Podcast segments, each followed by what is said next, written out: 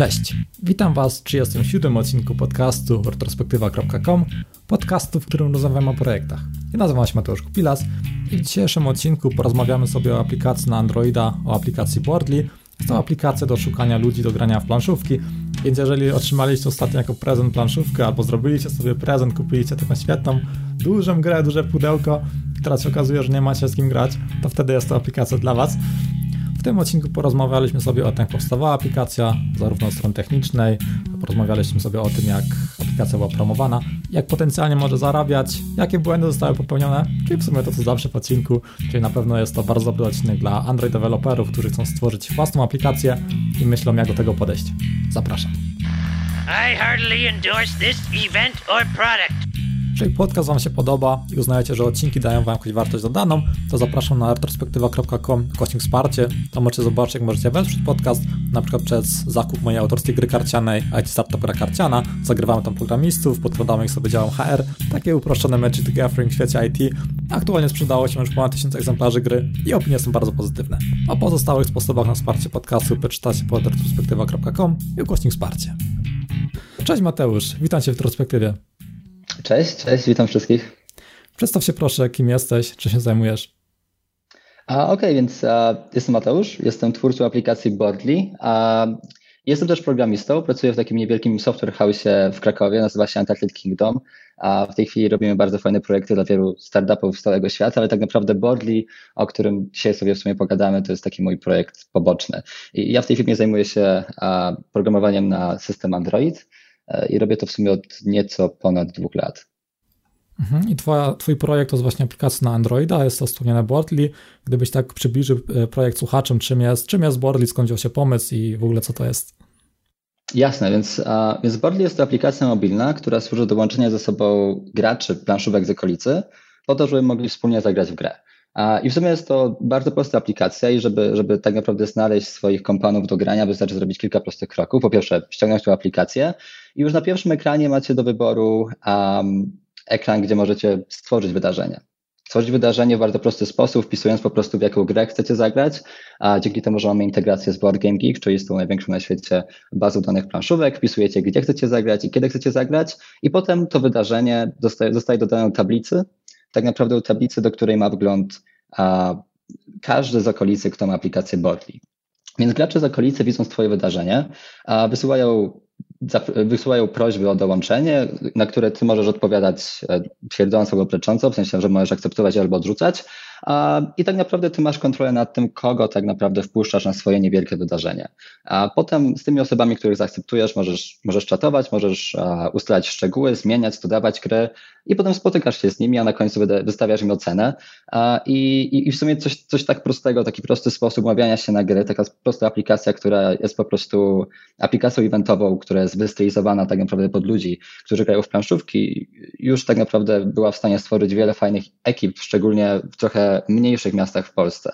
Przewaga według mnie Boardly nad Facebookiem lub Meetupem jest taka, że, że Facebook albo Meetup, czyli tak naprawdę narzędzia, które są teraz używane w głównej mierze po to, żeby spotkać się na planszówki, one nigdy tak naprawdę nie będą stworzone z myślą o planszówkowiczach. W sensie, w sensie wątpię, że kiedykolwiek powstanie jakikolwiek feature w tych e, świetnych produktach, a, który będzie a, robiony z myślą o na przykład, e, nie wiem, a, stworzeniu listy gier, które można sobie udostępniać pomiędzy graczy.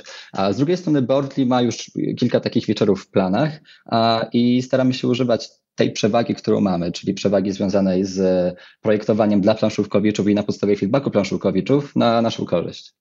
No okej, okay, to, to brzmi dobrze, takie niszowe bardzo, e, bardzo produkt i tym w, sumie, tym w sumie łatwiej się wybić, mając taką dużą niszę, niż teraz iść szeroko, właśnie robić drugiego Facebooka, tylko właśnie e, platformę skoncentrowaną na konkretnej niszy.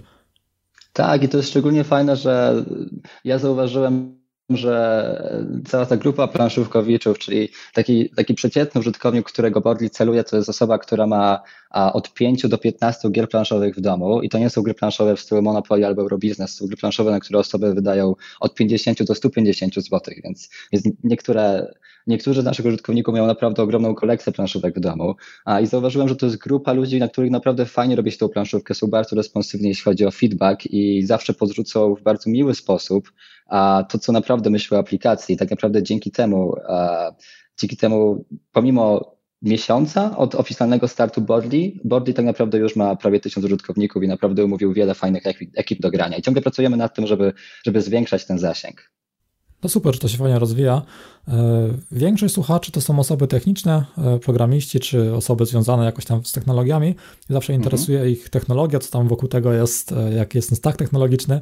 Gdybyś teraz przybliżył słuchaczom właśnie jakie technologie są wykorzystywane w projekcie, z jakich narzędzi korzystasz? Um, Okej, okay, więc um, może zacznę to opowiadać od, od, od jakby ogółu do szczegółów. W sensie wydaje mi się, że zejście tak od wysokiego poziomu do niskiego będzie całkiem fajne.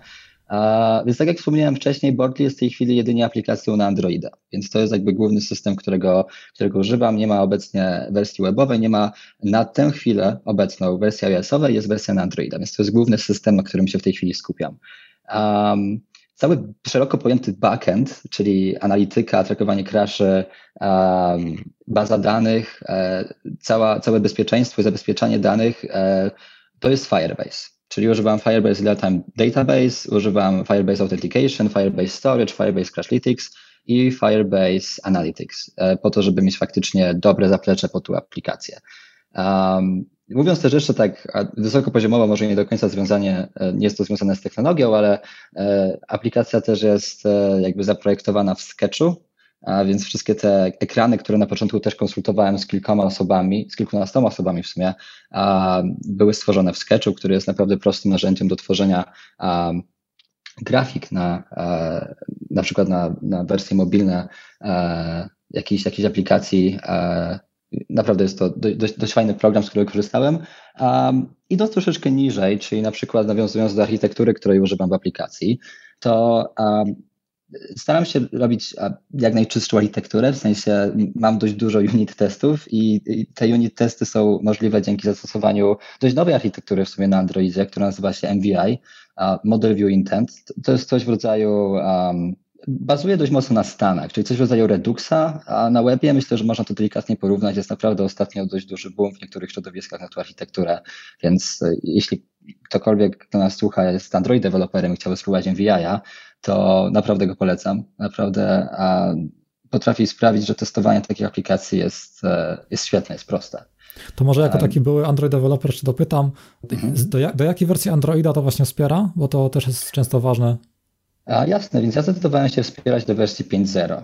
Znaczy ogólnie z architektury Model View Intent a można korzystać tak jak chcesz. W sensie mhm. wydaje mi się, że ja, ja wspieram osobiście aplikację od wersji 5.0 w górę, ale też na przykład w pracy wydaje mi się, że utrzymuję aplikację w tej architekturze, która jest wspierana od wersji 4.4. Więc raczej nie ma tutaj żadnych ograniczeń mhm. związanych z tym, żeby a, wspierać to na, um, nie ma tu żadnych ograniczeń związanych z wersją Androida. To jest bardziej ograniczenie związane z dość wysokim progiem wejścia w tą architekturę, dlatego że jest tam dużo Elixów, o których też będę zaraz mówił. Um, i te stany potrafią być czasami podchwytliwe, jeśli chodzi o debugowanie, ale jak już faktycznie się wejdzie w ten styl programowania związany ze stanami, związany z przepływem danych, tym jednokierunkowym, jest naprawdę, jest naprawdę świetnie dodawanie, dodawanie nowych rzeczy jest naprawdę świetne. I jakby idąc troszeczkę głębiej, język programowania, który wybrałem to Kotlin. Myślę, że Myślę, że myślę, że nie będę musiał tłumaczyć, dlaczego Kotlin ponad Java, szczególnie dla tych osób, które są Android, Android deweloperami. Wydaje się po prostu, w dużym skrócie jest to, jest to język, który jest o wiele, wiele łatwiejszy niż Java i naprawdę programowanie w nim jest niesamowicie przyjemne. I odkąd zacząłem z niego korzystać w sumie już jakieś ponad, ponad rok temu, a na, naprawdę no, czuję, czuję, że żyję w porównaniu z tym, co się działo czasami w Javie. I myślę, że ty też dobrze o tym wiesz, jeśli... Kod wychodzi potem dużo, dużo krótszy i no, łatwiej się tak. go czyta, łatwiej się pisze. Tak, w sensie jeżeli chcesz napisać, w sensie w Javie musiałeś naprawdę, żeby napisać prostą rzecz, bardzo się rozwodzić, bardzo się rozwodzić. To było dość długie i czasami nieintuicyjne. W Kotlinie, w trzech linijkach potrafisz zmieścić bardzo, bardzo ekspresyjny kod i to jest, i to jest niesamowite w tym języku. Um, idąc głębiej, w sumie już najgłębiej wydaje mi się, czyli takie rzeczy jak biblioteki, z których korzystam na Androidzie, no to jest e, przede wszystkim Elix Java 2, Dagger 2 do dependency injection, Retrofit 2 też do wszystkich rzeczy związanych z, z kolami, do tego, że na przykład mam API, które API Board Game Geek, które jest XML-owe, więc to było też troszeczkę podchwytliwe, żeby połączyć to z retrofitem, ale w końcu mi się udało dzięki tej bibliotece i paru innym parserom, które wykorzystałem. I, I, może z takiej ciekawostki już Architecture Components od Google'a, czyli na przykład uh, View Model, jest to jeden z Architecture Components, który dość fajnie się sprawdza, szczególnie w połączeniu z tą, z tą architekturą, architekturą MVI, o której wspominałem. Jasne, jeszcze na pewno, na pewno wynotuję sobie te technologie i w notatkach do odcinka to wrzucę dla osób, które to sobie chcą na spokojnie przejrzeć. E, jest to 37 odcinek, czyli pod retrospektywa.com, godzin 37 znajdziecie w razie czego listę technologii. Mm, to przejdźmy może teraz dalej. Jak długo pracowałeś nad taką pierwszą wersją aplikacji, którą, którą już wydałeś, którą już pokazywałeś? Ile to trwało od, od pomysłu do takiej pierwszej wersji? Um, hmm. Nie pamiętam dokładnie daty pomysłu, na który wpadłem, ale myślę, że o, to, o tym, jak wpadłem na ten pomysł, możemy pogadać jakoś później. Jeśli chodzi o takie konkretne daty, które faktycznie są gdzieś zanotowane, na przykład dzięki komitom, które robiłem do repozytorium, albo dzięki a, zapisanej wersji release'u jakiejś, jakiejś bety Botley, no to tak naprawdę pierwszy, pierwszy commit, czyli tak naprawdę pierwsze, pierwsze, pierwsze, pierwsze linijki kodu, które napisałem, były z 27 czerwca tego roku, więc taki wiesz, tworzenie swojego repozytorium miało miejsce wtedy i, i żeby, żeby od tego momentu przejść do takiej wersji beta, gdzie, która faktycznie działała, ale nie byłem z niej do końca zadowolony, to zajęło dwa miesiące, czyli 26 sierpnia miałem tak naprawdę taką bardzo wczesną wersję beta, którą mogłem już pokazywać znajomym i ewentualnie faktycznie liczyć na jakiś bardziej szczegółowy feedback od swoich potencjalnych użytkowników. I tak naprawdę, żeby do, dojść z tego, um, z tej wczesnej bety do, do takiej pierwszej oficjalnej wersji, to nie zajęło mi aż, aż tak długo po feedbacku, dlatego że 6 września wypuściłem pierwszą oficjalną wersję na, wiesz, z bety na, na, na pełną wersję w Google Play. Więc od 6 września tak naprawdę oficjalnie board jest dostępny dla wszystkich. Okej, okay, czyli dobrze robi, że e, szybko pokazujesz produkt. Często się właśnie słyszy, że ludzie pół roku czy rok na czymś pracują i dopiero później to pokazują i się okazuje, że rozwijali feature'y, których ludzie w ogóle nie chcą.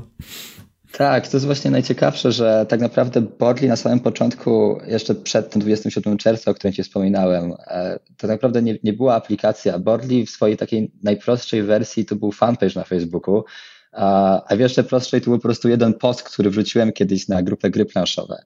I, i, I, jak zobaczyłem, że ten post, który wrzuciłem, który był związany z moim pierwotnym, takim dość dziwnym pomysłem, gdzie chciałem pomóc e, planszówkowcom trochę jakby więcej pożyczać, pożyczać gry między sobą. W sensie ten pomysł okazał się kompletną klapą i dopiero rozmawiając z tymi ludźmi zdałem sobie sprawę, że, że bardzo często się spotykają ze sobą i posty, które wrzucałem związane ze spotykaniem się ze sobą na planszówki zyskiwały, zyskiwały naprawdę, a, wiesz, a, dużo komentarzy, dużo lajków, więc pomyślałem, że najlepiej by to było odseparować od Facebooka, zbić te wszystkie pofragmentowane grupy, które są w Polsce. Niektóre mają 500 e, użytkowników, inne mają 10 użytkowników, żeby zbić to wszystko w aplikację.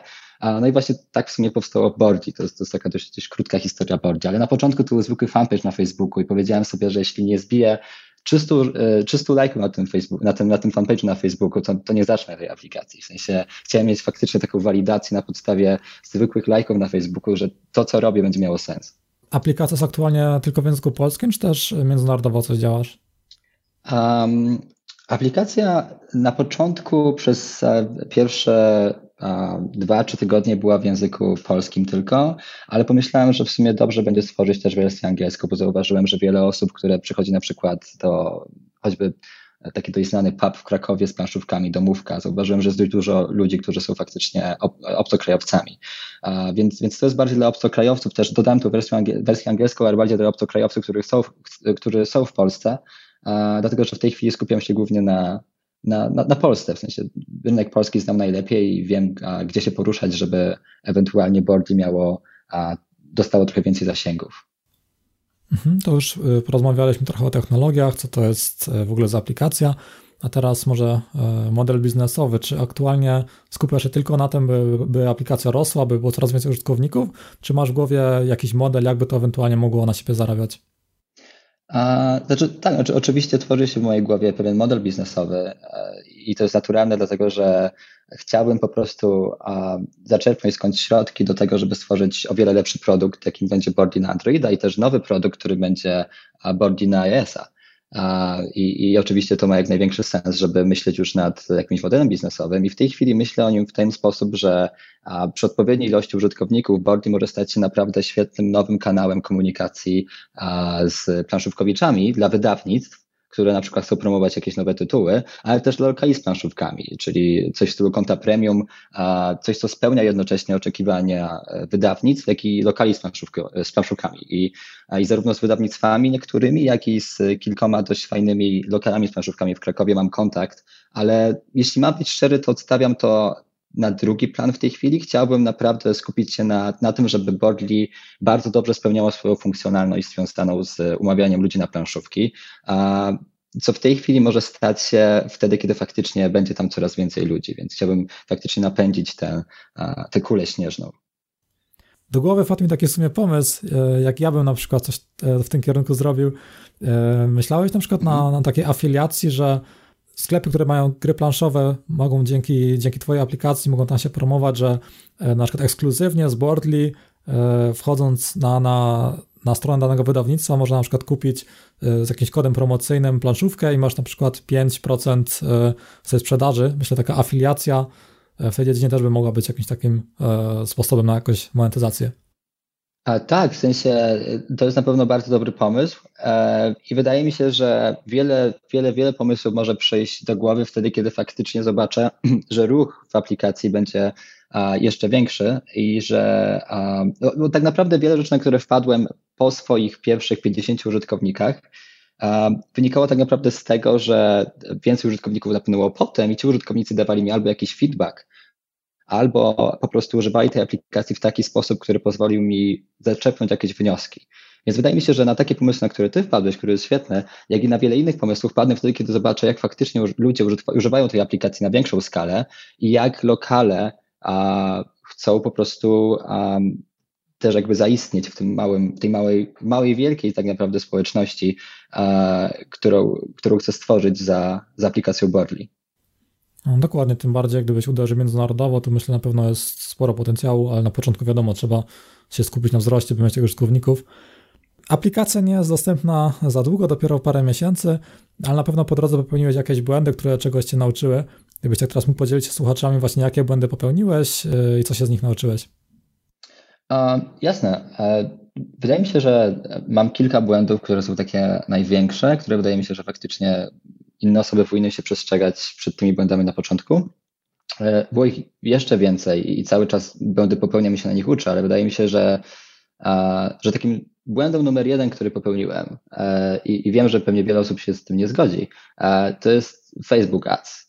Dlatego, że pierwsze co zrobiłem, to uznałem, że, że że zwycięzcą w tej całej bitwie użytkowników jest zapewne ten, który ma więcej pieniędzy na reklamę.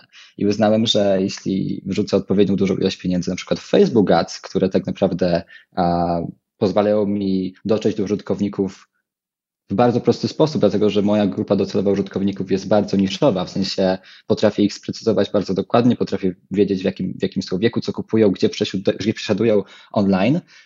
I, i jeśli potrafię ich stargetować aż tak dobrze, to Facebook Ads, naprawdę te reklamy powinny do mnie trafić i naprawdę powinienem zyskać bardzo dużo, w sensie takie było moje założenie, więc e, nie wydałem jakoś bardzo dużo na te reklamy, wydałem, wydałem 200 zł i chyba przez 3 tygodnie te 200 zł było wydawane sukcesywnie e, na reklamach na Facebooku i w ciągu tych trzech tygodni zyskałem chyba 95 użytkowników. Więc jakby koszt na użytkownika wynosił 2 zł 10 groszy, więc, więc to nie było tak źle, ale, ale a, wiesz, porównaj to sobie do tego, że któregoś dnia, tak naprawdę po tej całej kampanii, z której zrezygnowałem, wrzuciłem jakiegoś jednego posta na fanpage na Facebooku. W sensie to był jakiś prosty, prosty post, który kompletnie nie myślałem, że będzie jakikolwiek sposób ciekawy, dla, bardziej ciekawy niż zwykle dla, dla, dla ludzi, którzy śledzą fanpage. I nagle okazało się, że w ciągu jednego dnia zyskałem 100 użytkowników. Kompletnie za darmo. Plus ludzie zaczęli do mnie pisać, zacząłem nawiązywać nowe ciekawe kontakty z paroma osobami związanymi z lokalami z planszówkami.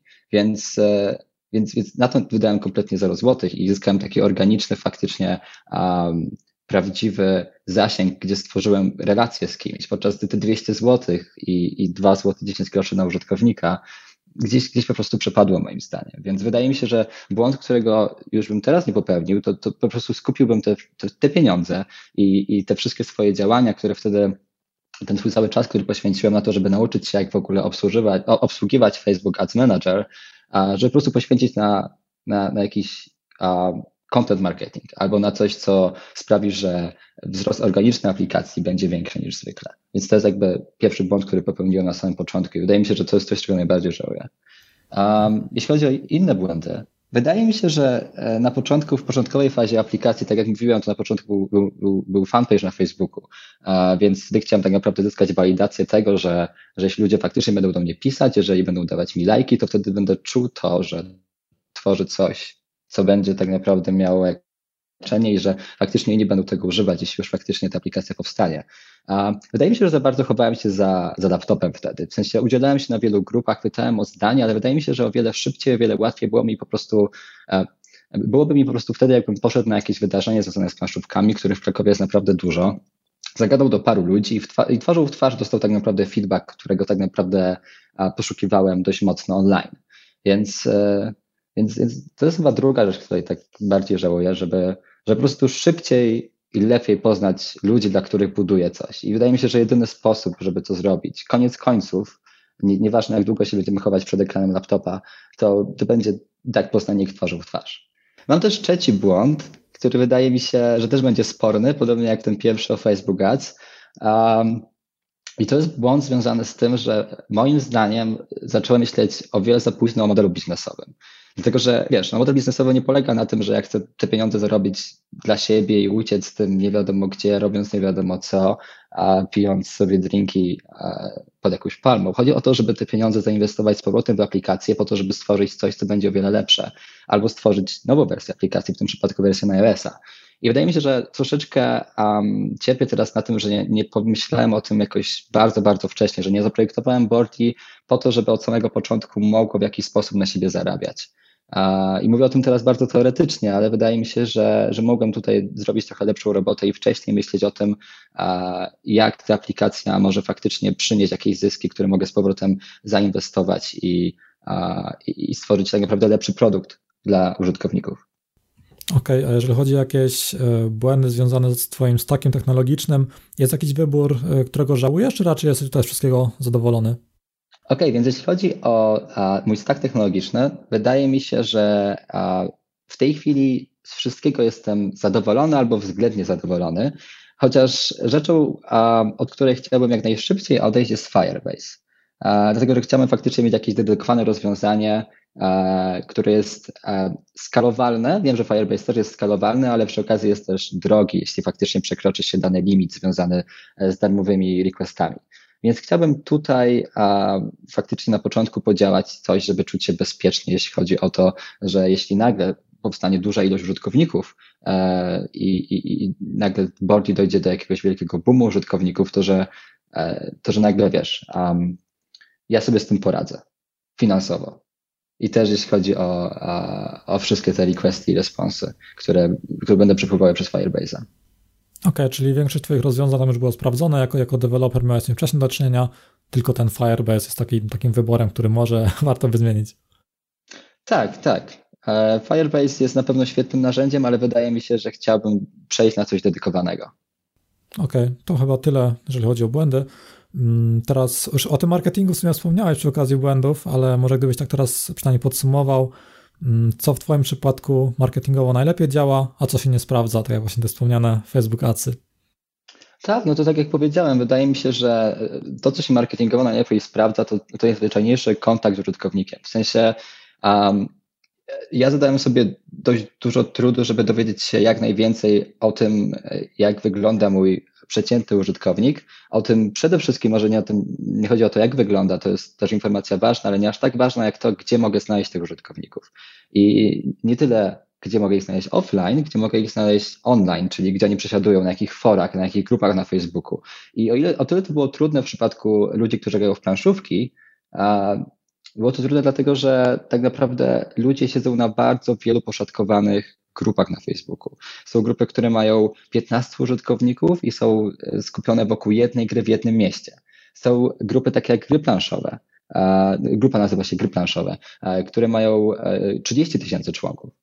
Są grupy, które e, na przykład w Warszawie są grupy do umawiania się na planszówki na Ursynowie i w centrum, w sensie to jest bardzo duże miasto, więc podzielili sobie to na, na, na mniejsze grupy. Albo są takie grupy, które po prostu na przykład są, nie wiem, w Białymstoku, a, które mają, nie wiem, 300-400 użytkowników i tam faktycznie wszyscy się znają, praktycznie e, spotkali się wcześniej czy później twarzą w twarz. Więc to jest bardzo różnorodne środowisko i obecność w każdej z tych społeczności i, e, i, i na przykład odpowiadanie na posty związane z tym, że czemu Boardly może być w tym przypadku lepsze.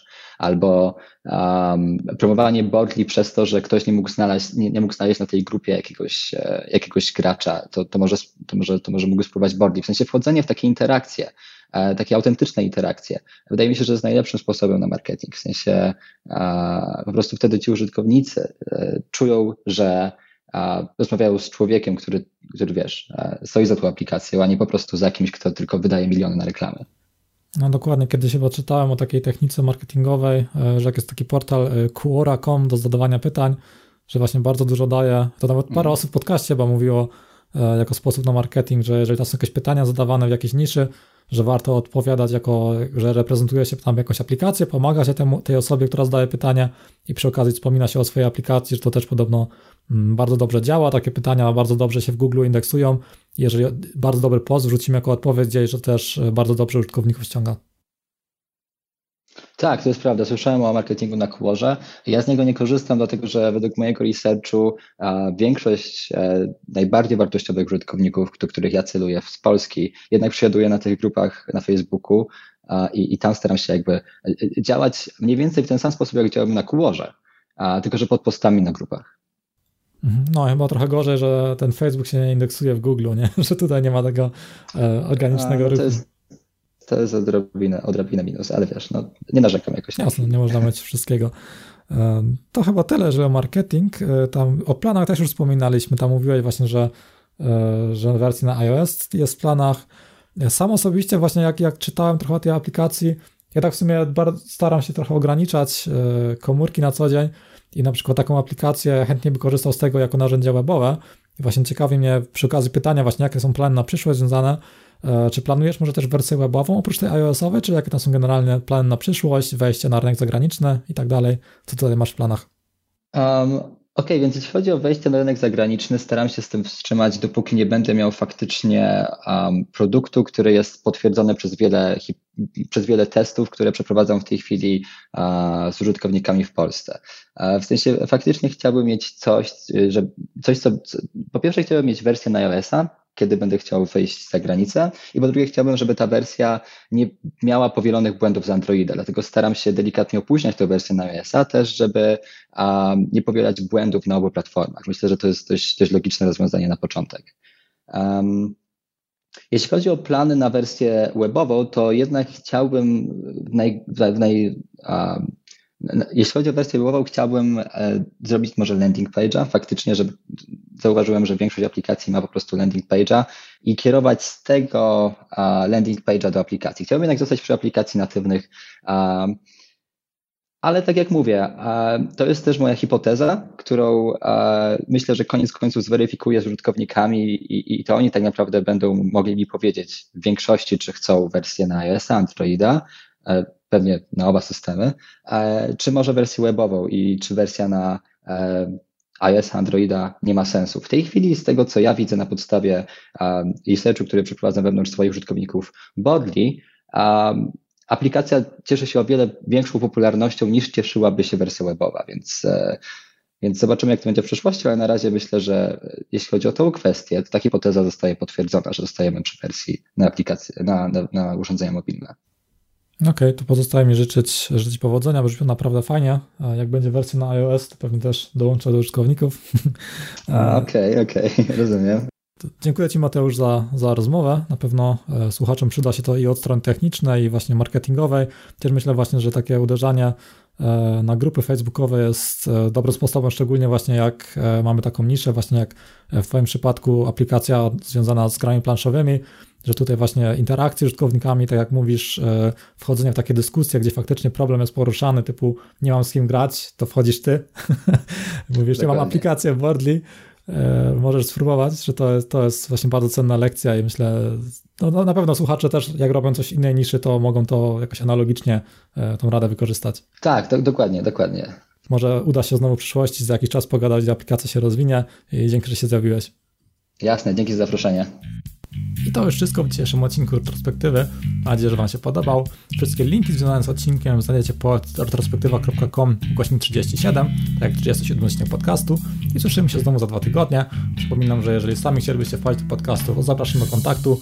Praktycznie każda osoba, która się zgłasza, e, wystąpi w podcaście, ponieważ no, wbrew pozorom trudno jest znaleźć osobę, która rozwija własny projekt i chciałaby pogadać o tym w podcaście. Jednak większość osób, które rozwijają jakieś projekty, to jest to jakiś projekt wewnątrz jakiejś firmy. Tam jest podpisana umowa, że nie można o wszystkim mówić. I takie osoby zwyczajnie do podcastu no, nie mogą przyjść, nie mogą o tym pogadać bez zapłacenia jakiejś tam dużej kary. Więc jeżeli, jeżeli chcesz zasilić tutaj bazę podcastów, chcesz, chcesz porozmawiać o swoim, o swoim projekcie przy okazji go trochę podpromować, to zapraszam do kontaktu. Jeżeli podcast Wam się podoba, chcielibyście go wesprzeć, uznajcie, że daje Wam jakąś wartość dodaną, to zapraszam pod retrospektywa.com ukośnik wsparcie. To możecie przeczytać, jak możecie wesprzeć ten podcast, na przykład jakaś ocena na iTunes, polubienie na Facebooku, czy zakupienie jakiegoś z moich produktów, na przykład moja książka Junior Developer o o pierwszej pracy programisty, albo gra karcia na IT Startup, która łączy rozrywkę z pewną dozą edukacji. Jak już tak płynnie zmieniłem temat na grę karcianą, to na koniec jeszcze ogłoszenie parafialne. 2 grudnia, jeszcze sobie sprawdzę, chyba to było tak, to była niedziela. 2 grudnia, niedziela w Katowicach odbywa się pierwszy turniej gry IT Startup. Jeszcze nie wiem, jakie będą nagrody, dopiero gadam ze sponsorami. Najprawdopodobniej będzie Raspberry Pi, jakieś inne bajery. E, w każdym razie szczegóły znajdą się pod itstartup.pl, ukośnik turniej. To możecie zobaczyć, e, gdzie dokładnie będzie turniej, jakie będą nagrody. Mam nadzieję, że pod koniec następnego odcinka za dwa tygodnie będę mógł podać szczegóły. Dziękuję za słuchanie. Słyszymy się znowu za dwa tygodnie. Cześć.